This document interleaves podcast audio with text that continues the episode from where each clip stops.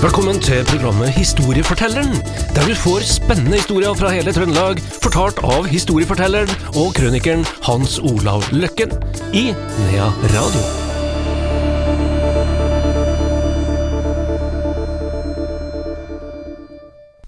Velkommen tilbake til Historiefortelleren her i Nea Radio.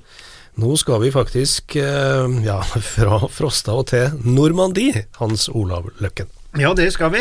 Vi skal tilbake til 1944. Vi skal møte en som heter Ivar Stamnes. Han, eh, han eh, var vel født i Trondheim, etter som jeg forstår, men så dør vel mora ganske ung der, og han ble tatt hånd om av besteforeldrene sine da ute på Frosta. Der, og han eh, gikk jo da på vanlig skole og sånn, og, og hadde dratt på befalsskole, så han var så vidt ferdig med det da 1940 kom, da. og han var, fikk liksom ikke være med på noe, eller han skrev allerede i 46, etter krigen, så skrev han sin første beretning om sitt erfaring fra krigen og han la ikke noe imellom oss. Jeg har jo det papiret han har lest nøyaktig hva han skrev, og han hadde ikke særlig mye vakkert å si om norske myndigheter.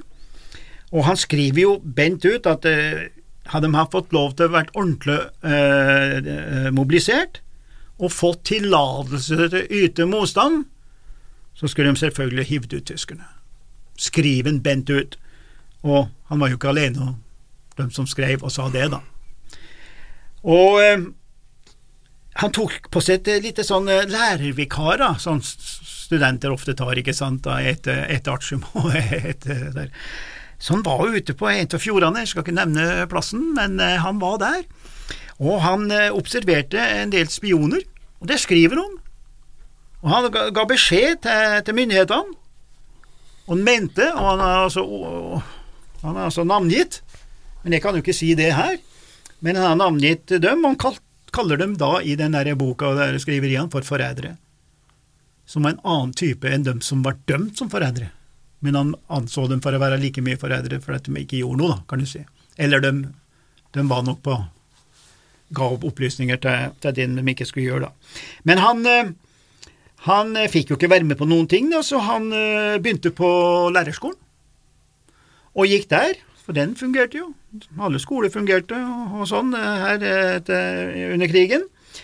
Og i 42 så stikker han til Sverige og kommer seg til England, og er en av de få norske som havner da i en såkalt hæravdeling, i en skottlandsbrigade. Ikke kommando, de ble altså underlagt engelske offiserer, engelsk kommando og sånn, men de var med og de måtte være offiserer, altså befalsutdannelse i Norge, og det var bare en, og det var ca. 80 stykker totalt, da, har vi funnet ut. Og han var da kavalerist, sånn at han eh, eh, var med på trening, og de fikk jo ulike tanks og, og, og opplæring, og da det begynte å nærme seg invasjon, så var de i og for seg klar. Eh, og det heter seg at den eh, var med i Normandie, men da viser det seg nå da i ettertid at det var mangfoldige uker etter den 6. juni. Det var jo den 6., 7. og 8. hvor det skjedde noe i Normandie, og så bare roa, seg ned der og Så eh, han var med der, og han var med innover, og havner da så langt opp som til Brussel i løpet av noen måneder, og er i aktiv tjeneste, absolutt aktiv, og eh, han blir da truffet sjøl, Tenksen. Det ble bare svart. Og han var jo sikker på at han daua, og, og, og, han vakna på et lasarett. Det gikk eh, døgnevis før han kom til seg sjøl og sånn, så han var, hadde ikke noe mer i krigen å gjøre, så han ble jo sendt eh, tilbake til England og alt mulig, så han havna jo da igjen i Norge, da, og, og sånn. Eh, men han har jo fortalt om alt det der og skrevet ned det han huska. Og så begynte han eh, som lærer, men etter en stund så gikk han tilbake til Forsvaret og eh, Koreakrigen. Han eh, var sjef for sånn ABC, altså biologisk krigføring og alt det der. Eh, avanserte eh, da i gradene og, og, ble en ren leder da, der i, i, i, i Forsvaret. Koreakrigen så var han jo med, men det var jo ikke noe aktiv tjeneste. Ola Duncan hadde jo sanitetskompani og sånn der også. Onkelen min var jo en av sjefene for legene der nede den gangen, i, i, nei, i Korea. Så kommer han tilbake da til, eh,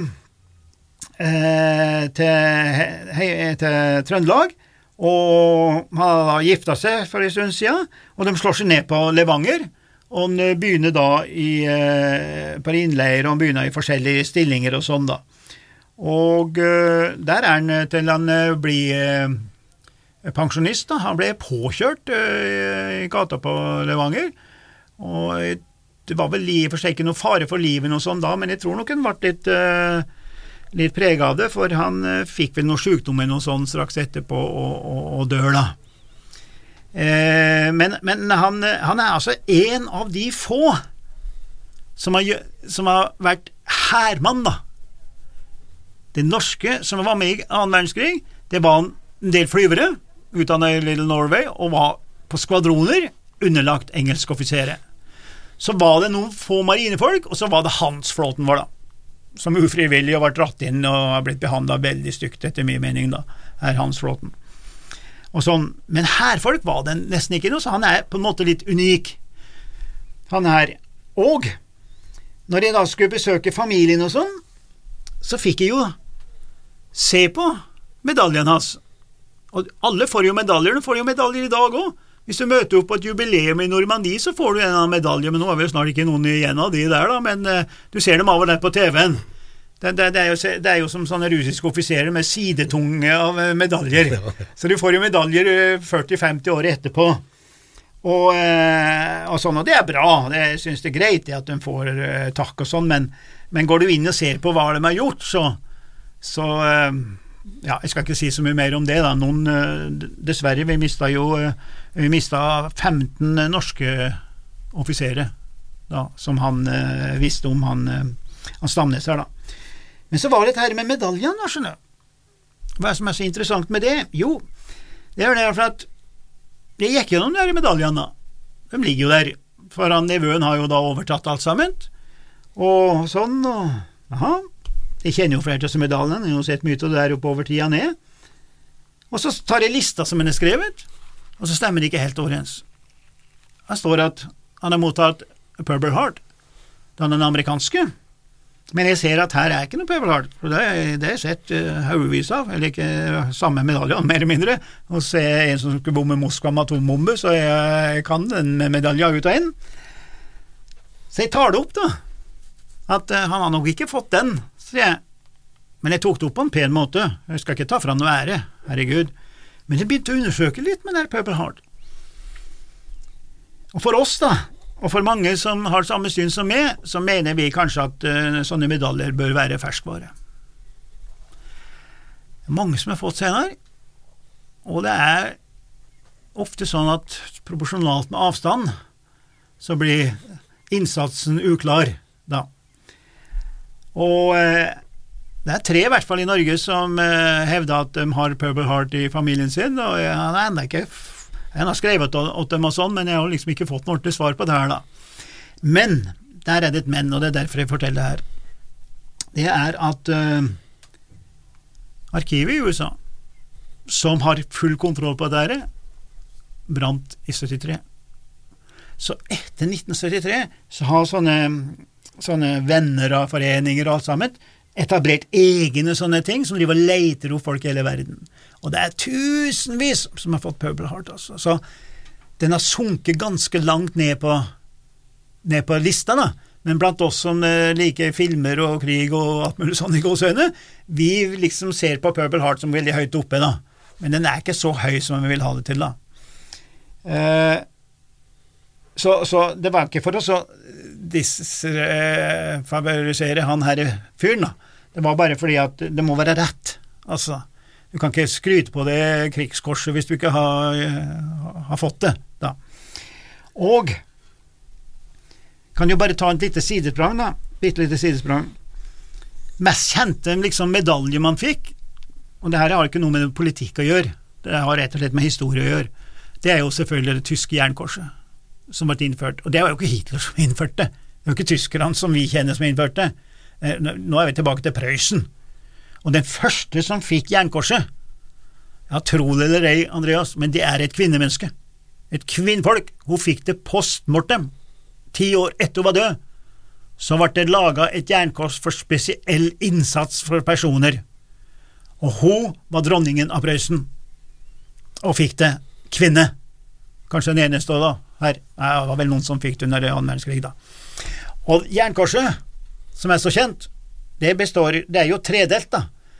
Det er altså den ene klassen som er som et utsnitt av det norske flagg. Du kan ta og skjære det norske flagg tvert over, og så setter du der båndet mellom eh, to knapper i, i, i, uniformen. Der ser du på alle krigsfilmer og alle tyskere og sånn som har den der.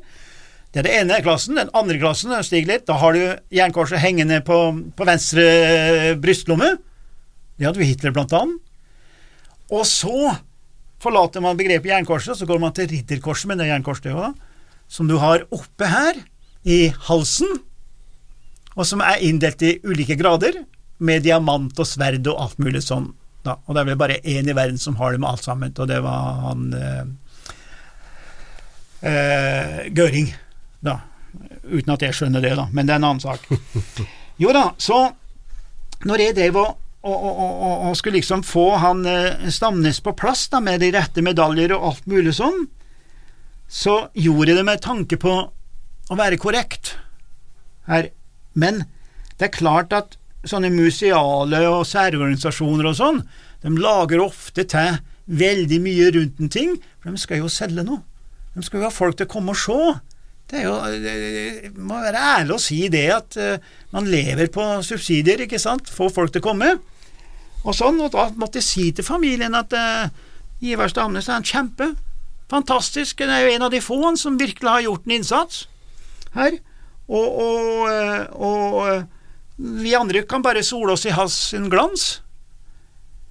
Og, og, han var jo en av de få som tørde, som ville, og som kom ut av hele krigen virkelig med ærene i behold. Og en større utmerkelse